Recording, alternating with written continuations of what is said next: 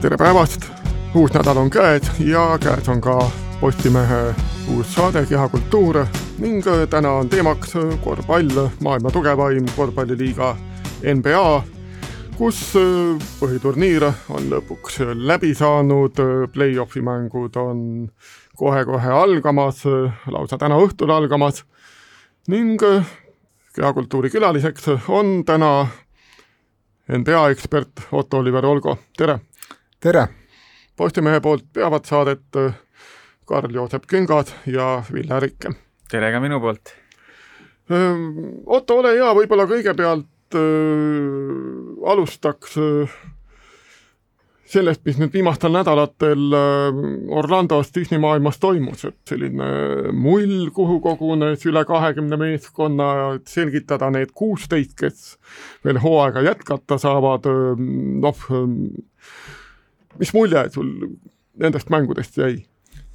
eks see kogemus on sürreaalne tegelikult, et arvestades seda, et Floridas, kus siis need tõesti Disney maailm on, on ju koroonajuhtumite arv väga kõrge tegelikult, et see on ikkagi väike ime, et selline asi üldse praegu juhtub, et mina olin valmis selleks, et et NBA-ga oligi pärast seda üheteistkümnenda märtsi kööga aga näed, äh, leiti raha, sada seitsekümmend miljonit dollarit, millega teha üks niisugune vahva eksperiment ära. eks seda, eks seda sai tehtud Disney maailmas ka oma suure sponsori Disney jaoks, kes kontrollib ESPN-i spordivõrgustikku. Äh, ja, ja kindlasti ka klubide omanike jaoks, kes tahtsid oma raha kätte saada, aga aga tundub, et äh, mudel töötab ja tundub, et töötab koguni nii hästi, et kui see koroona hullus nüüd siin ei lõppe ära, siis on ju juba, juba räägitakse sellest, et järg, terve järgmine hooaeg mängitakse nii-öelda regionaalsete mullidega, et, et on üks mull kusagil seal Ameerika kirdeosas, üks on äh, kaguosas, üks on äh, edelaosas, eks ole, et, äh, et see on täitsa võimalik, et see ongi nüüd lähiajal NBA tulevik, aga mis tõesti on silma jäänud, on siis see, et kui puudub selline noh, olgem ausad, need virtuaalfännid, kes seal ekraanil kohapeal on, et ega nad ei anna päris seda õiget elamust kätte, et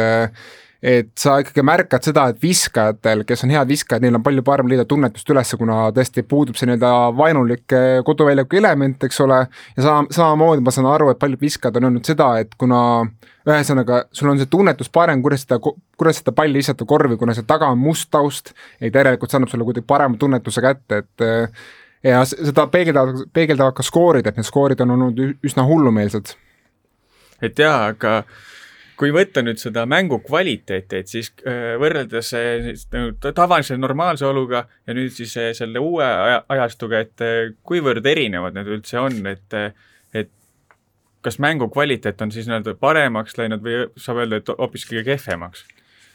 ma ütleksin, et kaitse poolel on asi kehvem, kui ta oli enne, sellepärast et no see on üks, on see, et on, et juba on tekkinud tegelikult selle paari kuuga, mis oli paus, kolm kuud tegelikult, äh, tekkis niisugune roostitus kätte ikkagi meestel, et äh, noh, natukene ikkagi see meeskonnatöö lonkab seal, eriti just kaitse poole, kus kommunikatsioon on väga tähtis et ründe poole ma ütleksin, ütleksin, et on asi läinud üsna juba tavapärasesse rütmi, mõned mehed on juba isegi teha paremad numbrid kui nii-öelda tavatingimustes, aga tõesti kaitses on näha, et ikkagi paljud meeskond veel otsivad enda seda nii-öelda identiteeti ja oma varasemat hoogu ja vormi, et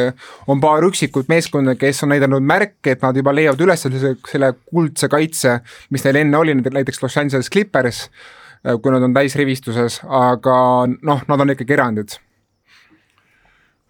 kui nüüd äh, ettepoole vaadata, siis äh, Eesti aja järgi täna õhtul juba läheb äh, play-off lahti. ikka eriti varakult kusjuures. jah, kakskümmend kolmkümmend Denver, Utah, tõepoolest varakult, noh ähm, tundub, et seal mullis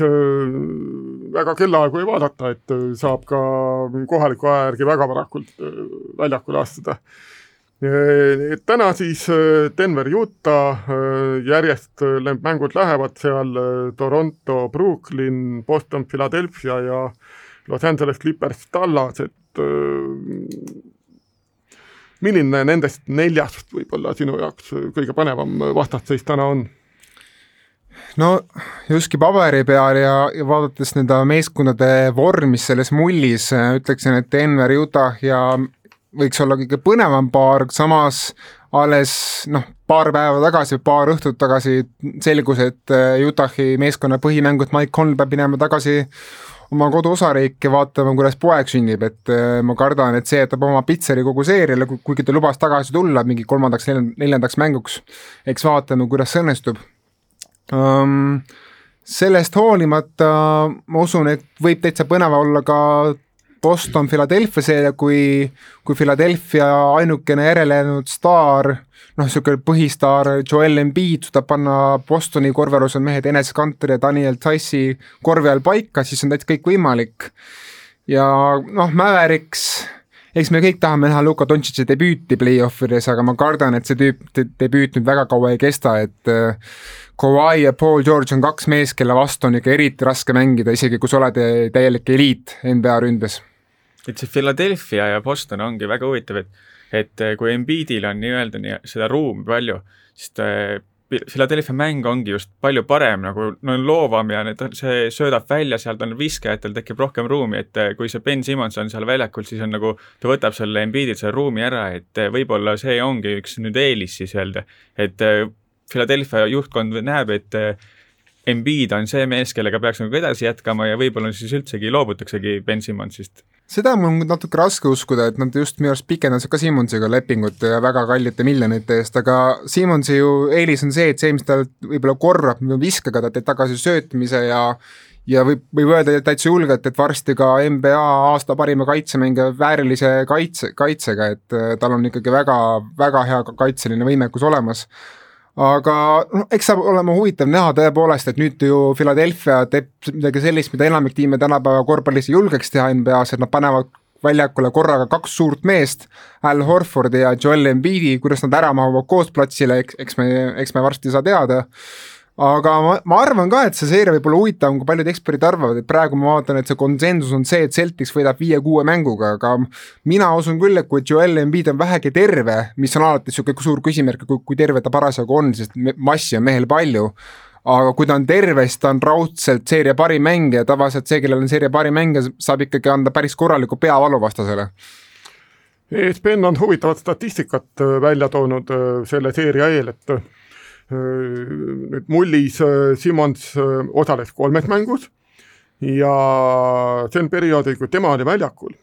siis äh, Sixers viskas saja rünnaku kohta sada kaheksa koma üks punkti ja vastased viskasid samal ajal seitse koma kolm punkti rohkem saja rünnaku kohta. ja kui teda ei olnud, siis viskas Sixers lausa sada kakskümmend üks koma kolm punkti ehk kolmteist punkti rohkem saja rünnaku kohta ja vastastest oldi kolme koma seitsme punktiga üle, nii et äh, see statistika näitas nagu selgelt, et äh, Simonsita tuli nendel mäng oluliselt paremini välja. Jah, seda on ju kaua arutatud ka Philadelphia enda meedias, et, äh, et need kaks meest tegelikult niimoodi ei täienda üksteist, üksteist tugevat külge nii hästi, kui võiks, et ja on päris paljud ajakirjanikud on juba noh, ma, ma vist võin kokku lugeda äkki mingi seitsekümmend artiklit, kus on siis räägitud, et kuhu Simmon sobiks paremini, mis, mis meeskonda, aga mina arvan, et kolme mängu põhjal ei saa teha suuri järeldusi, esiteks. ja teine on see, et, teine on see, et noh, ma ei tea, kui palju, kui palju julgeb inimesed, inimesed loota Tobias Harrisele ja Josh Richardsonile ja alles praegu NBA rotatsioon ennast murdnud Shake Miltonile, kes on praegu põhimänguht, et ma ei tea, kas need on nii-öelda need mehed, kellega minna koos lahingusse ja võita kaks seeriat ära, rääkimata ühest, et no eks me, eks me näe. Loen ette nüüd siis ka kõik NBA play-off'i paarid, alustame idakonverentsist, kus esimene kaheksas asetus Milwaukee ja Orlando, edasi Toronto, Brooklyn, Boston, Philadelphia ja Indiana, Miami ning läänes on siis Los Angeles Lakers, Portland, Los Angeles Clippers, Dallas, Denver, Utah ja Houston, Oklahoma City. Otto, milline neist kõige ebahuvitavam sulle tundub? No ma kardan, et Paks teeb Orlando match'ikuga väga kiirelt äh, neli-null ära, et äh, lihtsalt kuna Orlando kaotas ainukese mängija, kes võiks teoorias üldse kaitsta Antetokounmpo, Jonathan Isaaci uuesti, siis väga-väga raske, samas noh, Orlando'l on ka niisugune peatreener, kes on hästi visa, et võib-olla äkki varastavad ühe ära, et et mine, mine tea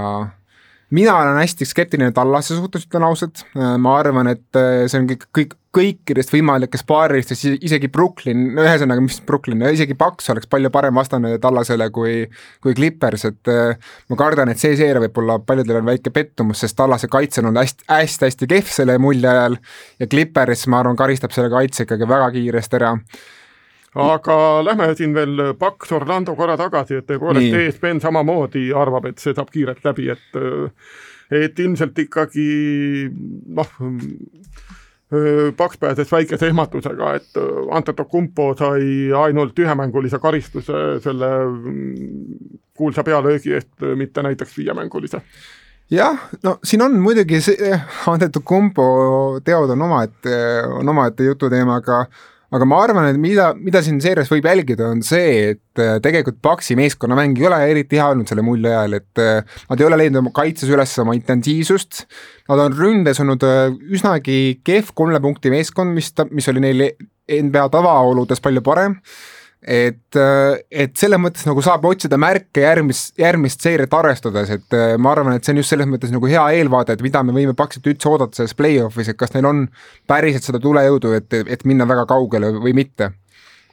aga ei, seal Äh, idas on veel teine see match-up, ütleme siis, et Raptors ja Nets, et see on ka üpriski ikkagi lahja, et Netsil pole nagu, ei ole lihtsalt sellist võimekust väljakule panna, millega Raptorsile ehk siis valitsevate meistritele veel vastu saada, et nendele kaotasid küll Kawhi, aga sellest on nagu tiimi vaim on nii palju kõvem, et sa arvad, et sellest, sellest lahingust nüüd tuleb üldse lahingut? No siin on ainuke lootus on see, et Nets on olnud selle mulli ajal kuidagi erakordselt tubli tiim, et, et nad lõpetasid selle mulli, kas oli kuus-kolm või kuus-kaks, et viis-kolm. viis-kolm, no ühesõnaga Nets on olnud, äh, arvestades, kes on tõesti, kes on mänginud suuri minuteid, et paljud mehed on enamikele Eesti inimestele ammugi tundmatud, rääkimata Ameerik-, keskmisele ameeriklasele, et äh, noh, Timofei Luvavu Cabarro paneb seal järjest kolmteist punkti, eks ole et, et selles mõttes on nagu Netsil on niisugune luukere meeskond, aga mängib kõik südikalt, et mine tea, äkki varastavad ühe puhtalt tuhhiga ära, et noh, neil pole mitte midagi kaotada, et neil on ka ainult see, et mängivad juba järgmise hooaja nimel ja selle, selle nimel, et kes saab endale hea lepingu järgmiseks hooajaks. et võib-olla selle arvelt äkki võtavad ühe ära, aga tõesti Raptorsil äh, ma vist nägin seda statistikat, neil on vist esimene tiim pärast tuhat üheksasaja seitsmekümne neljanda aasta mingisugust meeskonda, kas see oli Buffalo Braves või ma, ei mäleta, kes, kes see meeskond oli, kus on viis meest keskmiselt üle viieteist punkti mängus, et tõesti see on erakordne saavutus, ma ütleksin NBA, NBA kontekstis, et tõesti nii, nii sügav tiim, kes paneb kõik, kõik mehed panevad nii hästi aga Raptorist on peetud ju kogu aeg selle mulje all selleks, selleks meeskonnaks, kes võib musta hobusena lõpuks tulla välja ja, ja panna kõik kinni, et eh, mina nii optimistlik ei ole, aga ma loodan ja seda enam, et Raptorsi kaitse on mullis selgelt kõige parem olnud. jaa, et äh, nad on üks nendest vähestest tiimidest, kes on tõesti nagu oma kaitse algusest peale üles teinud, ma ütlen ka seda, et neil on, neil on tõenäoliselt praegu parim treener üldse kogu liiga peale, et äh, all due respect eh, Miami Heati peatreeneri Erik Spolstra vastu ja mõne teise mehe vastu veel, aga Nick Nurse näitas eelmine hooaeg ikkagi väga hästi, et temal on sellist strateegilist planeerimist on, on kolme treeneri jagu. Et sa siin mainisid, et võib-olla Brooklyn ühe mängu võtab ära, aga noh, ütleme nii, et kui nüüd räägime siin äh, ikkagi äh, seeria kokkuvõttes sellistest põnevatest seeriatest, siis nagu no need kaks seeriat need kaks ei tohiks mänguks minna. ei tohi, ei tohiks mänguks minna ja kui läheb, siis on midagi ühe tiimiga väga konkreetselt viltu või siis ma ei tea, mingi laadsaret järsku toimumas, eks ole, et ma muidu paraku ei näe Netsil ega Magicul mingisugust, mingisugust varianti. nii, aga tagantpoolt kolmas seeria või paar sinu jaoks? tagantpoolt kolmas pärast neid, no mina ütlengi, et see on tõenäoliselt Mavericks Clippers, et äh, olen ise hästi skeptiline nende kaitse suhtes aga võib ka öelda, et no kui ma hakkan mõtlema, siis ma tean, et paljud NBA fännid on oh, Portland Trail Blazers oli mullis hästi tubli, võitis mitu mängu, siin Damien Lillard valiti mulli parimaks mängijaks ja noh, Lillard on üldse olnud täiesti sõge keskväljaku, keskväljaku, keskväljaku pealt paneb viskad sisse, nagu oleks Gerd Kullamäe kolm punkt null, eks ole. Aga, aga, aga paraku Portlandi kaitse on olnud mullis ka ikkagi kehvimate seas ja ma kardan, et nähes, mida Anthony Davis tegi Yusuf Nurkitšiga aastal kaks tuhat kaheksateist ja ma ütlen, Nurkitš on läinud paremaks sellest ajast saadik. aga ma mäletan ikkagi väga hästi, kuidas Davis pani kaks tuhat kaheksateist Nurkitši paika ja ma kardan, et see kordub uuesti aga ikkagi, kas nüüd see Clippers Tallas või Lakers Portland, kumb sinu meelest, kummast vähem verd tuleb? ma ütleksin, et pigem tuleb no vaata, see ongi see, et nagu mu süda nii, mu süda on niivõrd Luka Dontšitši poolel ja ma ei, ma ei taha uskuda, et seal, seal seerias puudub intriig. ma arvan, et mingi intriig sealt tekib, aga ma lihtsalt ei tea, kui, kui suur intriig ja ma pigem isegi jahutaks võib-olla Blazersi fännide optimismi ja ütleksin, et et Lillard oli küll väga tubli äh, siin äh, NBA mulli põhijooajal, aga ma kardan, et James ja Anthony Davis panevad Blazersi praegu kohe paika aga Lakersil on äh, tihtipeale see pro probleem, et äh, Anthony Davis justkui kaob ära mõnes mängus, et äh, ta lihtsalt ei, viskab seal ütleme üheksa punkti, kaheksa punkti, kuigi tegelikult on ju mees suuteline panema selle iga mäng ütleme kolmkümmend punkti, et mis, mis võib põhjuseks olla selleks? siin on erinevad põhjused, et üks on see, et Davis, Davis ei ole eriti hea söötja postist väljas, Davis on etteennustatav oma, oma lahenduskäikude poolest, mida, et noh, kui ta jääb kinni nii-öelda sinna posti, et kuidas ta hakkab lahendama, tavaliselt on see, et ta ikkagi võtab üks-ühele ette ja seal on lihtne saada abi, et, mõnikord on Davis ise, ise passiivne, et ta ongi natukene sellise tüpaažiga mängija, kes ei hakka nagu olema kangelane, vaid pigem see, kes nii-öelda vajadusel tõuseb kangelaseks, aga kes ei otsi seda kangelase momenti nagu, nagu Lebron võib-olla otsib, et et mina arvan seda, et play-off'is me näeme teistsugust Davist, nagu, nagu me nägime seda mulli põhihooajal, ma arvan, et Davis paneb keskmise, keskmiselt selles seerias oma hea kakskümmend seitse punkti ma olen kindel, et Davis on selleks võimeline. et äh, ma nagu ei loeks liiga palju välja sellest, sellest nagu mulli põhihooajast Anthony Davise isiku puhul. et aga Lebron James on öelnud, et et kui nemad tahavad võita, siis peab ka olema nende kolmas lüli olemas ja et selleks on siis Kyle Kuzma et äh, kes peab nagu üles tõstma, et äh, kui, kui tähtis mees on tegelikult Kyle Kuzma selle Lakersi jaoks? no eks ta ole tähtis, et, et äh, ta on oma skooritalendit on kahtlemata nii-öelda kolmas lüli seal, et noh, mõni, mõni mees võib vaielda, et Ion Waiters on isegi natuke loovam mängija kui, kui Kusma ründe poolel, aga aga Waiters alles liitus tiimiga ja ta ei tunne tiimi üldse nii, niivõrd hästi nagu Kusma, et et mina ei usu, et tema roll väga, väga oluliseks saab, ma arvan, et ta roll on niisugune no ütleme nii, kolmanda järgu roll. Äh,, aga ta ise väidab, et ta on kaitses olnud palju aktiivsem kui, kui, kui muidu, natukene mängupilt seda ka tõestab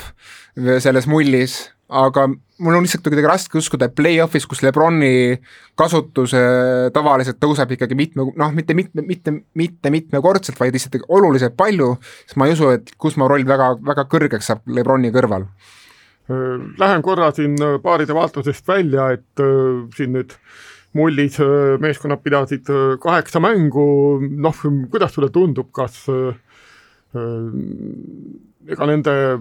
nii-öelda põhihooaja viimaste mängude pealt äh, praegu ikkagi liiga suuri järeldusi teha ei saa, et noh, siin Lakers võitis kaheksast mängust kolm ainult, aga noh, tegelikult me ju kõik teame, et kui õigeks mänguks läheb, siis nad mängivad teistmoodi. Me teame Lebroni puhul seda. absoluutselt, aga sellest, sellest piisab juba. sellest piisab jah, et äh, sellest Lakersi puhul täiesti piisab äh, me teame, teame natukene võib-olla mõne teise mehe peal ka. kui, kuidas sulle üldse tundub selles mõttes, et kas äh, siin päris paljud meeskonnad ikkagi olid juba selle play-off'i koha taganud, eks ole, et nad ju siin otsisid, katsetasid pigem play-off'i silmas pidades. jah, et äh, ütleksin julgelt, et umbes niisugune seitsekümmend protsenti tiime tegelikult katsetas nii-öelda mehi, kes võiksid olla mingis play-off seerias kaheksas või üheksas mees, eks ole, et pigem otsite nii-öelda neid rollimänge, kes võiksid nii-öelda kõrge pinge all nii-öelda saada hakkama ja ma arvan, et osad tiimid ka need mehed leidsid üles selle kaheksa mänguga aga tõepoolest, ma ütleksin, et pärast umbes niisugune neljandat-viiendat mängude vooru, eks nagu kui igal tiimil oli peetud umbes neli-viis mängu, siis nagu oli selgelt näha, et ikkagi paljude meeskondade huvi kadus ära, mängiti nii-öelda viisak, viisakusest mängiti need lõpumängud ära, mõned üksikud tiimid pingutasid lõpuni nagu Portland Trail Blazers, eks ole, aga tõesti, nad, nad on ikkagi erand suures pildis, et enamik ikkagi pani noh ma ei taha ma ei taha öelda kindlasti poole võimsusega, aga mitte nagu täie võimsusega. korra segan vahele, kas sa oleks tahtnud siin mõni meeskond, kes nüüd jäi välja, noh, seal läänes, et oleks tahtnud näha Portlandi asemel näiteks play-off'is? ma isegi arvan, et, ma isegi arvan, et Phoenix Suns oleks olnud võib-olla äkki natukene ägedam vastane, et äh, et Sunsil on lihtsalt sügavam meeskond kui Blazersil, et äh, neil on nagu paar meest veel, veel võtta, keda Blazersil ei ole võtta, et Blazers mängib sisul-, sisuliselt praegu viie mehega. et Sunsil on, ütleme nii, kaheksa-üheksa meest, kelle peale saab toetuda, et võib-olla selles mõttes oleks olnud ägedam, samas Sunsi mehed on kõik hästi kogenematud peale mängu, Ricky Rubio, et äh, noh, NBA kontekstis, et äh, ma ütleksin, et mul kahju ei ole, aga ma pigem on kahju selles mõttes, et Suns oleks võinud saada Orlando Magicu koha et oleks natukene idas ka võib-olla põnevust juures, et äh, sellest on küll tuline kahju. no selleks sa pead kõigepealt Phoenixi linna sinna kuskile Florida kaardi peale lükkama. no kui sa vaatad Memphis, kus asub, Memphis tegelikult asub idakonverentsis tegelikult, aga noh, paraku on see NBA kaart, nagu ta on. aga kui vaadata nüüd neid neljandaid ja viiendaid numbreid, et siis äh, idas lähevad kokku Pacers ja Heat, et kui kõva see lahing võib sealt tulla, et see on üpriski vihane vastasseis, et ühelt poolt võttes, et on Pacersil on ülimalt hea soos DJ Warren ja siis teiselt poolt on Heat, kes ikkagi tugineb suuresti Jimmy Butleri peal. see, paljud arvavad, et sellest võib saada tuline seeria, mina olen natukene kõhklev selles asjus, sellepärast et äh, Pacersil ikkagi ei ole liidrit Omantas Sabonis, kes sai viga mulje ajal ja sama, samamoodi on tegelikult ka kahtlane see, et mis tervise juures on Malcolm Brockton ja Victor Oladipo täpsemalt. et äh, tõesti, DJ Warren on olnud suurepärane selle NBA mulje ajal ja äkki temast saab ka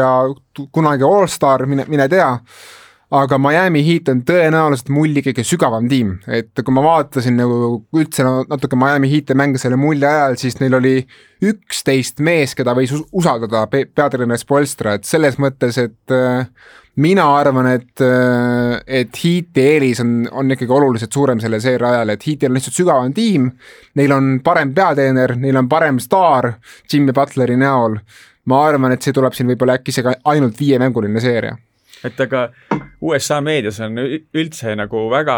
väga üles tõstatatud seda Warreni ja Butleri vastasseisus nii-öelda, aga aga üks nendest mängijatest, Butler vist ütles, et see ei, nagu ei ole üldse mingi küsimus, et nende vahel ei ole mingit probleemi, et mis sina nagu sellest arvad? no see on tõesti natukene ajakirjanike endi poolt äh, tekitatud nii-öelda narratiiv, mida on, mida on ikka vaja juurde, et vürtsi lisada hooajale, aga tõepoolest, et äh,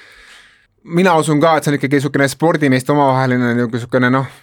kerge mõõduvõtt, nagu ikka on, et eh, no noh, veidike niisugune Tanel Tein versus Kristjan Kangur, eks ole, et Rock, Rock ja Kalev Cramo koolkonnad saavad kokku, et et ma ei, ma ei nagu ei otsiks nagu suurt beefi või nagu vihavaenu nende kahe mehe vahel, et pigem on lihtsalt see, et mõlema, mõlemad mehed, nad tahavad olla noh, liidrid oma meeskondades praegu ja tahavad tõestada, et nemad on just need mehed, keda, kes veavad oma klubi järgmisesse raundi, et eh, mis neist edasi saab, kas neist saab Paksi jaoks ainult kahuriliha või midagi enamat, noh, mina arvan, et Heat võib-olla saab, pakub midagi enamat. kuigi äh, siin on räägitud, et äh, vähemalt eksperdid USA-s arvavad, et hoopis selle lahingu võidab äh, äh, Indiana, et äh, mis sa sellest arvad, et nagu sina ütled, et siin on hoopis Heat parem ja USA-s öeldakse, et Indiana võtab selle võidu no ühesõnaga, eksperte on väga erinevaid, tead, teatavasti oli ju eksperte, kes, kes pakkusid ju kaks, aastal kaks tuhat kuusteist veel veel kuni novembrini välja, et Hillary Clinton võidab, võidab valimised väga suure edumaaga, aga me teame kõik, mis juhtus, eks ole, et eh, on erinevaid eksperte, on erinevaid arvamusi ja, ja selles mõttes, et Indiana on olnud väga südi-, südikas tiim kindlasti, aga Miami'l on lihtsalt sügavus, peatreener, parem staar, parem, parem number kaks mängija Bam Adebayo Dra-, Goran Dragic on, ma arvan, igale eurooplasele teada kui mees, kes otsustab mänge ära, nii et äh, mina lihtsalt arvan, et see seeria võib olla isegi ebahuvitavuselt, võib-olla äkki isegi neljas või kolmas. okei okay., no ESPN siiski ka pakub seda, et äh, Butleri ja Warreni omavahelisest duellist sõltub väga palju, et äh, siin on muidugi probleem see, et kui et... Butler suudab Warreni maha võtta, et siis nagu ei näe, ei nähta Indianal üldse šansse jah, no siin on natukene nagu üks rääkimata asjaoluga on see, et väidetavalt Warren mängib praegu juba vigastusega üldse, nii et äh, eks me näe, kuidas see avaldub play-off'is, et äh, samamoodi ka Portlandi mängib, mängib CJ, McCollum, kes tegi hiilgava mängu Memphise vastu, mängib ka tegelikult seljavigastusega, et eks me näe, kuidas üldse vigastused mõjutavad, me teame, et üks äh, seeria on sellest väga mõjutatud. Jah, see ongi järgmine seeria, et siis ütleme Rockets ja Thunder, et Rockets peab siis ilm, hakkama saama ilma Russell Westbrookita, et aga Thunderil ja siis ütleme, tema põhimehel Chris Paulil on ikkagi kõvasti tõestada Rocketsi vastu, et esiteks neid ei arvatud üldse play-off'i saada. mina arvan, et need inimesed, kes kandsid Thunderi maha hooaja algul, olid ikkagi natukene natukene ennatlikud, et nad vist, nad vist arvasid, et äkki see Thunderi peamänedžer Sam Presti vahetab ära itaallased Danilo Gallinari, aga kui seda ei juhtunud, oli kohe selge, et tegelikult see meeskond hakkab mängima kõrget mängu, et Gallinari on ikkagi väga oluline lüli seal meeskonnas. sest jah, et eh, minu, minu mäletamist mööda oli see vist, et ESPN-i reitingutes öeldi et, et null koma kaks protsenti on võimalik, et eh, see Thunder saab siis play-off'i üldse ma arvan, et see oli natukene ka põhjendatud sellest, et tegelikult ju oodati seda, et Pelicans ja Blazers panevad mõlemad äh, tugevalt play-off'i, et Pelicans sai nii-öelda parima uustulnuka ja neil oli üldse palju ägedat noori palju ja samamoodi oli ka Blazers ju eelmise hooaja lääne finaali meeskond, et ma arvan, et selle arvelt võib-olla peetigi Thunderit nagu vähe tõenäoliseks, pluss siis veel see, et San Antonio Spurs on alati play-off'is, mida küll see aasta lõpuks ei juhtunud aga no see oli fake news, et jah, jah, see on, ma arvan ka, et tegelikult Spurs mängib ja see Utah Jazz on tegelikult, ma, ma ei tea, kas seal on Greg Popovitš või mitte, aga aga, aga ühesõnaga aga jah, Thunderit millegipärast alahinnati ja nüüd on kõikidel ekspertidel suud vesised ja eks, eks, eks ole näha, mis, mis ka selles seerias saab, et mina arvan, et ilma Russell Westbrookita läheb ikkagi Rocketsil väga-väga raskeks, sellepärast et äh, neid mänguloojaid ilma James Hardenita on ikkagi õige vähe, et on Austin Rivers on, on paremuselt teine mees. Rocketsi kohta siin eesmäng kasutab juba väljendit small ball'i kõrvaga microball, et kui oluliseks nüüd see asjaolu võib siin play-off'is saada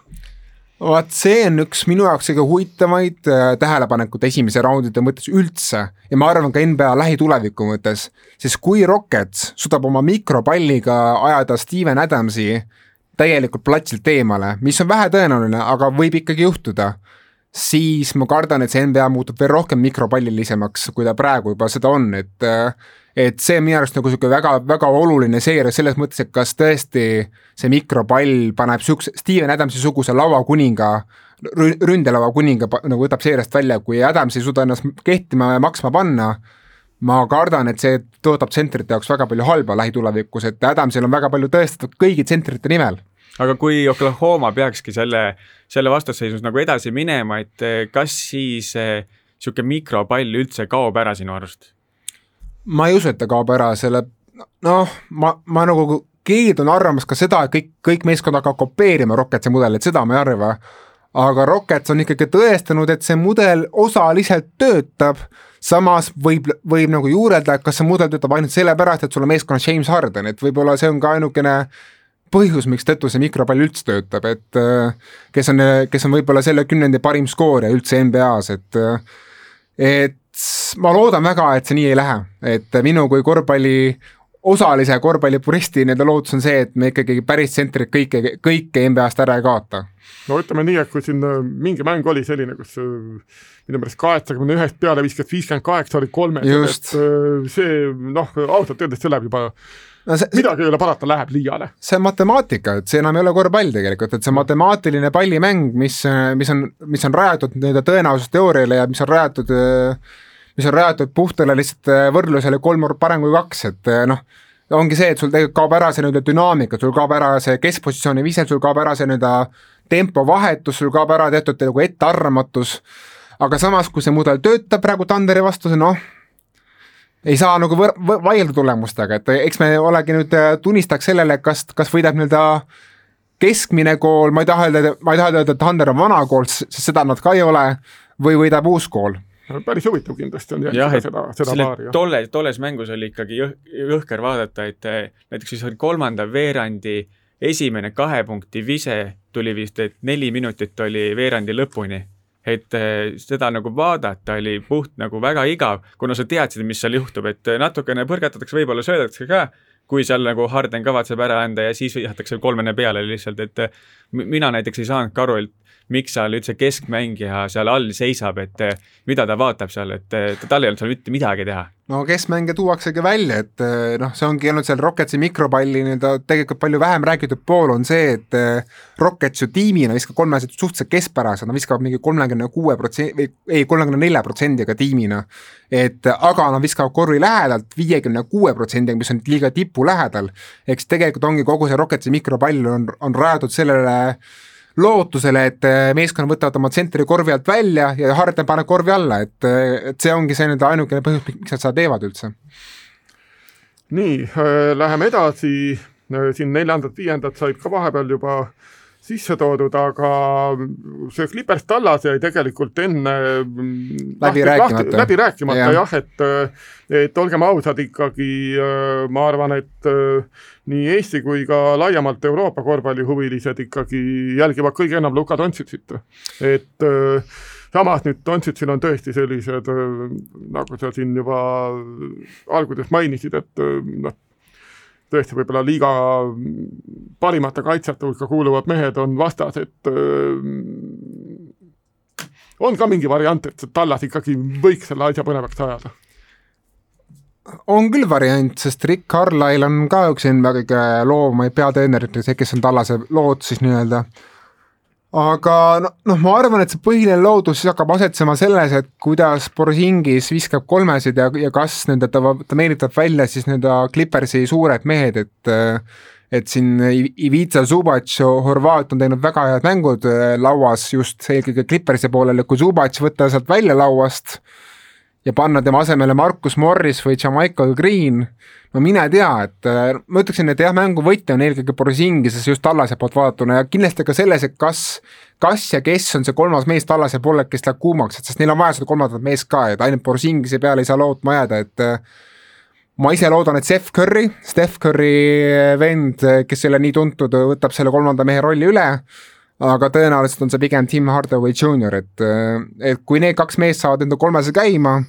võib siit tulla seeria, kui ei saa, siis seeriat ei tule. Jah, aga nende Tallase kahjuks räägib ka ikkagi tegelikult kogemused, et et Lukal on see esimene play-off Borsingis on samuti esimene play-off ja nendel on vist ainult üks eh, NBA meister on DJ eh, Barea on nagu võistkonnas. ja kes on ka, ütleme nii, et eh, noh, mängib aurude peal tänaseks, et no praegu jah, on nii, et juba toetab pingi pealt nii-öelda oma selle kogemustega ainult. mentoriks. jah, et selles mõttes jah, kui sa võtad veel Clippersi, kellel on Kawhi Leonard olnud ikkagi mitmes sügavas nii-öelda play-off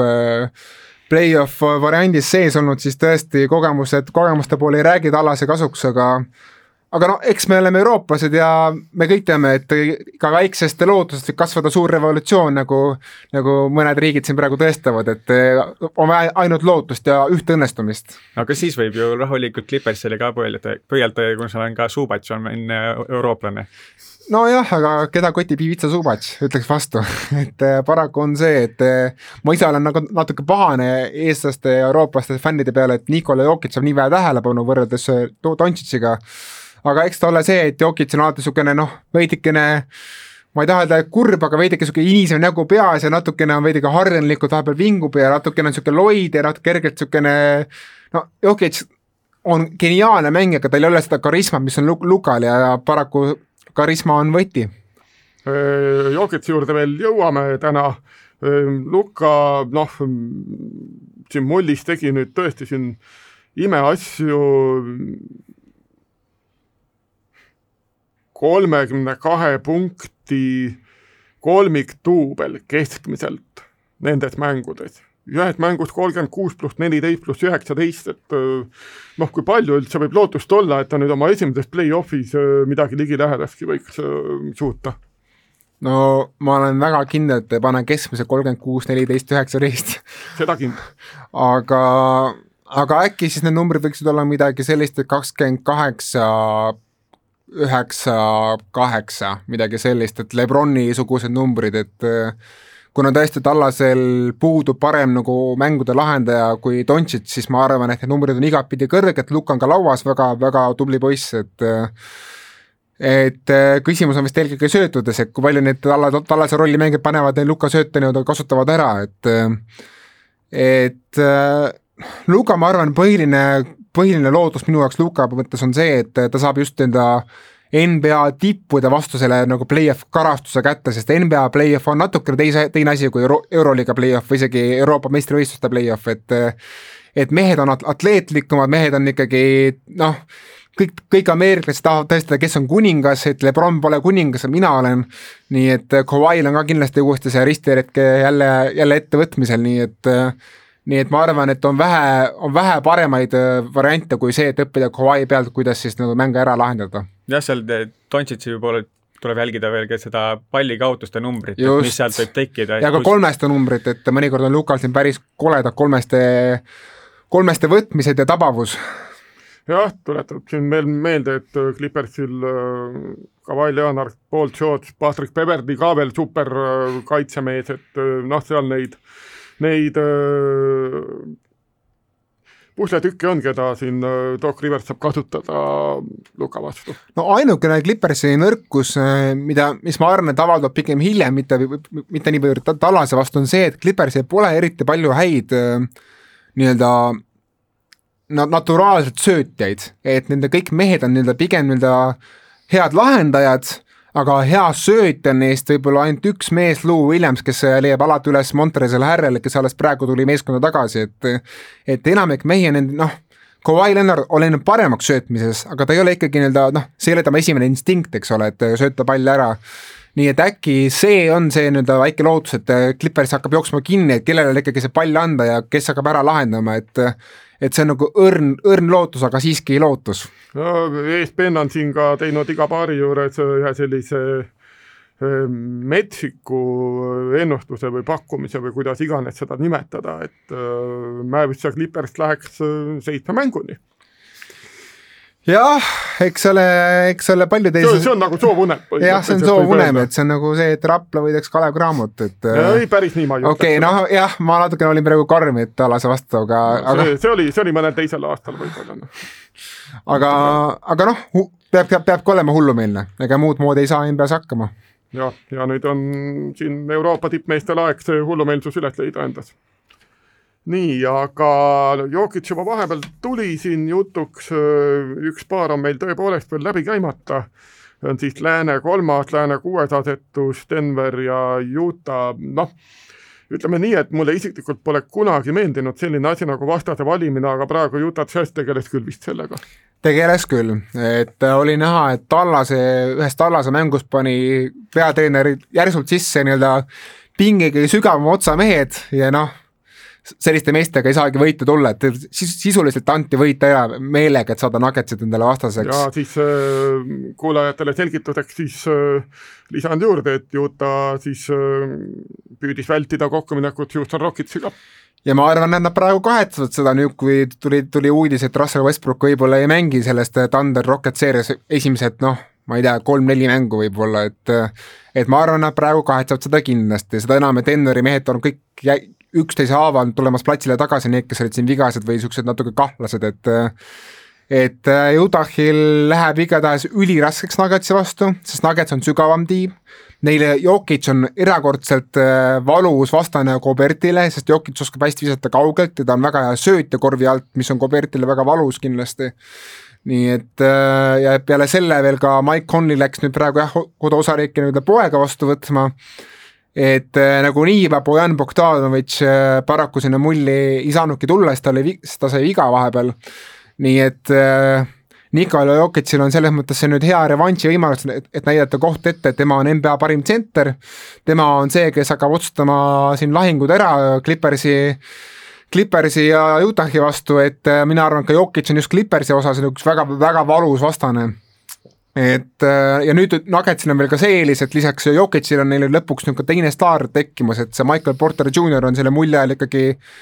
kõvasti esile tulnud, et ta on praegu vist üheksateist või kakskümmend, ma ei mäleta, kui vana ta täpselt oli, aga ühesõnaga hästi noor ääremängija, aga mängib nagu, ma mõtlen, kes on hea, kes on hea paralleel, no niisugust mängijat nagu ei olegi eriti võtta, natukene nagu olul-, oluliselt targem Rudy Gay, et või Paul George mingis mõttes ka, et nooremana, et tõesti, Michael Porter Jr on väga hea ninaga lauas ka ja ja Nuggetsil peaksid tulema üsna lihtne seeria tegelikult, tegelikult. Jah, sest Michael Porter Junioril on põhimõtteliselt kõik olemas, mis on vaja ääremängijal, et tal on hea vise, tal on hea läbimurre ja ta võtab lauda ka kõvasti, et äh, selle, selle nagu käigu on Nuggets endale väga õigel ajal juurde saanud. oi kui õigel ajal, et ma mäletan, mäletan, mis mäng see Nuggets vastu oli, aga see oli üks olukord, mida ma mäletan hästi teravalt, oli see, et et tegelikult üks siis olukord oli suunatud selle jaoks, et lahendaks olukorra ära Monte Morris, ma, kui ma mäletan õigesti, ja ühel hetkel läks pall Porteri kätte, kes pidi söötma Jokicile, kes pidi söötma, kes pidi söötma omakorda Morrisele, aga Porter vaatas, et ta peal on mingi niisugune kuus, noh, mis on sada kaheksakümmend kaheksa sentimeetrit pikk mees, vaatas, vaatas korra otsa, viskas üle käte, kolmene ilusti sees, et nahaalsust on poisil kõvasti ja ta tunneb kohe ära, kui mingi lühikesem mees on, siis Porter ei karda üldse mingi viset võtta, võtta enda peale, et seda nahaalsust kusjuures ei kohta, ei kohta nüüd nii tihti NBA-s, et et selles mõttes on nagu äge vaadata, et sellel poisil on olemas niisugune teatud nagu nina vastast, vastaste hävi, häbistamise peale, et mulle, mulle see meeldib. ja Nuggetsil on ka veel väga huvitav mängumees nagu Paul Polle võtta, et kui, kui palju saab tema mänguaega sinu arust? kusjuures selle džässi seeriast võib isegi saada, sellepärast et siin osad mehed, kes alles tulevad tagasi rotatsiooni nagu Will Barton ja Gary Harris, et nemad on ju noh, nende tervis on veel nagu, ei ole veel nagu päris selge, et äh, mis vormis nad täpselt on, et ma arvan, et Paul, Paul võib täitsa džässi vastu saada siin mõnes mängus kümme minutit, kuus minutit, et äh, eks ta kindlasti pigem jääb statistiks praegu, sest esimene hooaeg NBA-s, et enne seda ta ei mänginud ühtegi mängu enne, enne üldse seda NBA mulli. Aga kogemuste mõttes miks mitte, et karastada praegu ära ja siis panna pingile järgmiseks seeriaks ja juba järgmisel hooajal vaadata, mis, mis on sellest nii-öelda karastamusest saanud, et kas temast saab mingi asjalik äh, mees või mitte, et äh, et me ju tegelikult ei tea, kuidas Polli, Pol-Polli põlved üldse vastu peavad koormusele, et praegu ta koormus jäänud ikkagi suhteliselt tagasihoidlikuks. esimese ringi paarid on üle vaadatud, aga vaatame ka natuke ettepoole juba, et äh, siin soosikud on välja toodud, kogu see elu seal mullis peaks veel oma paar kuud kestma, meister selguma oktoobris. et kuidas sulle tundub üldse, kes siin võivad oktoobris olla need tegijad, kes veel järele on jäänud? ida poolelt ma näen kolme meeskonda kusjuures, kes võivad olla, kes võivad olla järele jäänud, et äh, minu järjestus on selline, et äh, Paks, Raptors ja Celtics on see minu järjestus, et äh, no Miami Heat ei jõua või? vot, äh, ma ei usu, et Miami Heat suudab võita kolm seeriat järjest, ma arvan, et neil on jaksu võib-olla kahe jaoks, aga ma millegipärast kardan, et kolmanda jaoks neil enam pole, et äh, kui, kui neil on sügav tiim, aga ma kardan, et Butler lihtsalt kolm seeriat järjest, noh,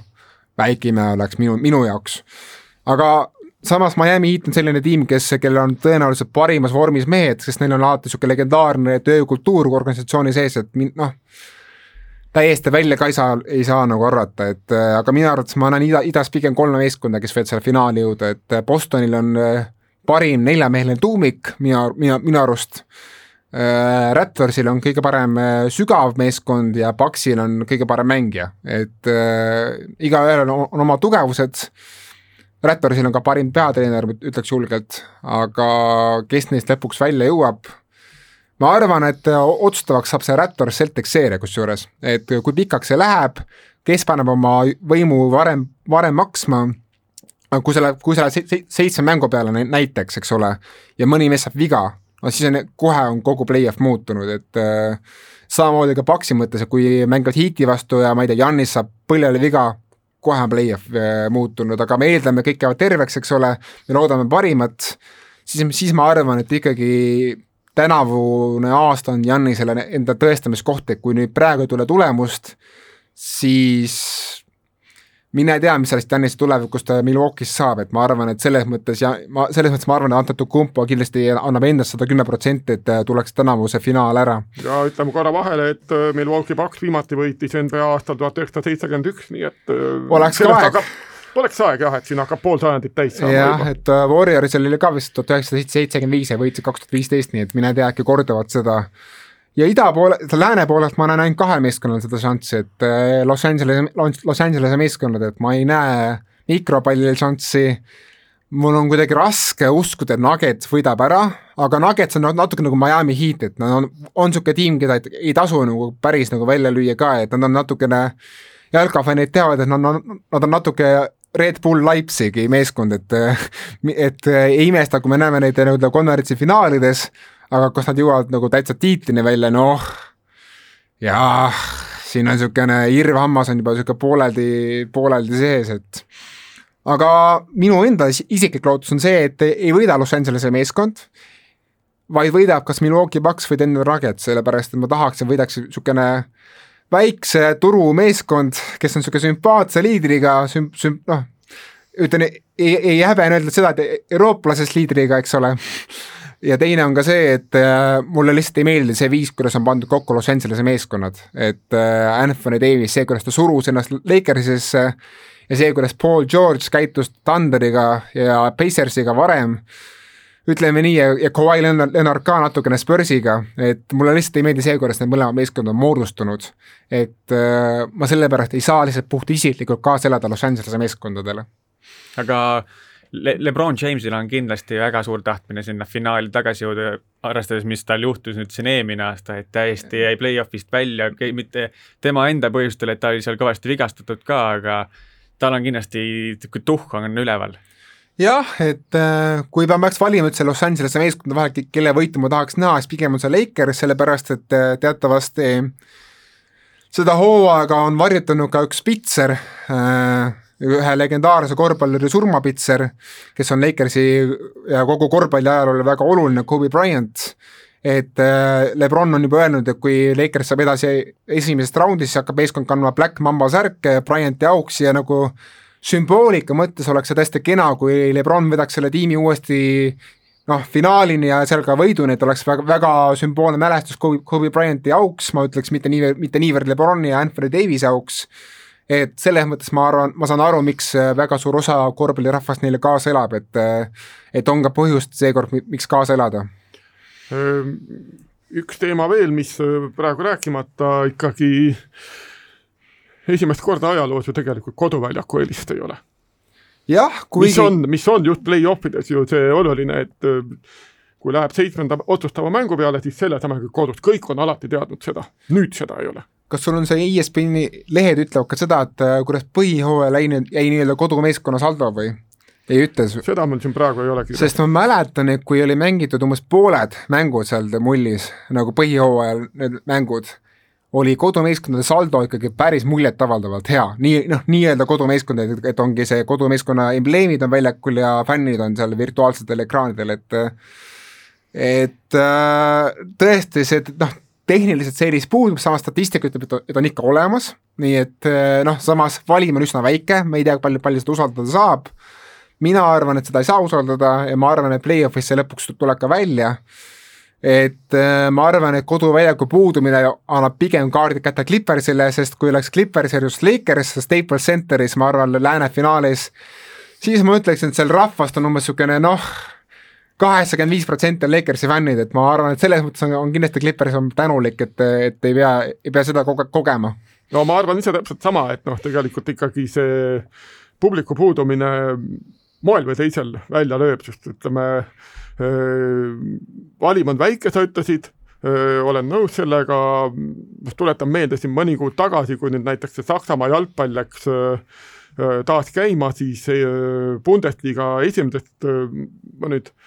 päris täpselt ei mäleta seda arvu, umbes kahekümne viiest mängust võitsid kodumeeskonnad ainult kolm. et noh, see näitas tegelikult, et noh, ei ole enam ikkagi see olukord samasugune, nagu ta oli enne seda koroonapandeemia algust jah, ja aga samas äkki see on just hea, et öö, äh, osa tiimid äkki just ei taha ka seda fännidega kaasnevat pinget või survet, et öö, äh, mina ei tea, äkki Houston Rocketsile just, just, just see on kasulik, et äh, James Harden saab seal üksi rahulikult seal mustas saalis lahendada asju, eks ole, et Houstonis teatavasti, kusjuures rahvas ei tule eriti õigeaegselt kohale mängule ja läheb varakult ära ka,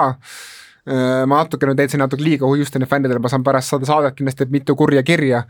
aga, aga noh, on teada värk, et Houstonis natukene on see publiku mõnikord ja Miami's ka kusjuures, et see ei ole, see ei ole kindlasti ainult Houstoni probleem. et äh, mõnele meeskonnale on see äkki just kasuks ja teine on ka see, et ma arvan, et kes kellel on kõige vähem kasu sellest, on Denver Nuggets mingis mõttes, et ja, ja Utah Jazz ka, sest nemad mängivad kõrgel, tava, tavaliselt üsna kõrgel kõrgusel, et nad, nende kodu saalid on ikkagi seal tuhande meetri kõrgusel või isegi kõrgemal, et vot neil on küll see, et neil, neil kaob see koduväljaku eelis ära, et aga noh, tingimused on võrdsed kõigile nii et äh, võidab see, kes on ikkagi tugevam ja ma arvan, et ei saa, ei saa peituda selle taha, et, et, et sa ei, enam ei saa mängida kodus publik, publiku ees. seal on, tegelikult seal mullis on kasutatud väga veidrat lahendust ka, et, et mängu ajal siis äh, on nii-öelda ikkagi kodumeeskond olemas ja siis kõlaritest lastakse, et seda, et kui kodumeeskond ründab, et siis on, et, et et go ükskõik mis võistkond ja, ja kui on ka siis vaja kaitses mängida, siis karjutakse seal defense, defense, et eh, kui, kui lahe lahendus see üldse on niisugune? see on parim, mis on saada. et äh, ma kahtlen, et, et see, et ilma muusikata, ilma igasuguse skandaalita no mees nagu õhustik on parem, et siis nagu tekiks liialt selline äh, treening-mängu tunne või niisugune tunne, et mängiks kus, kusagil messikepa spordihallis, eks ole, et äh, Põlvas kusagil, et äh, ma arvan, et see on parem kui mitte midagi. ma olen kindel, et see tekitab niisuguse veidra efekti ja ma olen, paljud mängijad on juba seda öelnud ka, et vabavisete ajal on, on päris imelik visata, sest nagu tavaliselt just, just vabavisete ajal on niisugune eriti vali, vali kellukeste tirin ja kõik, kõik plaksutavad ja karjuvad, aga praegu on see täiesti olemata, et äh,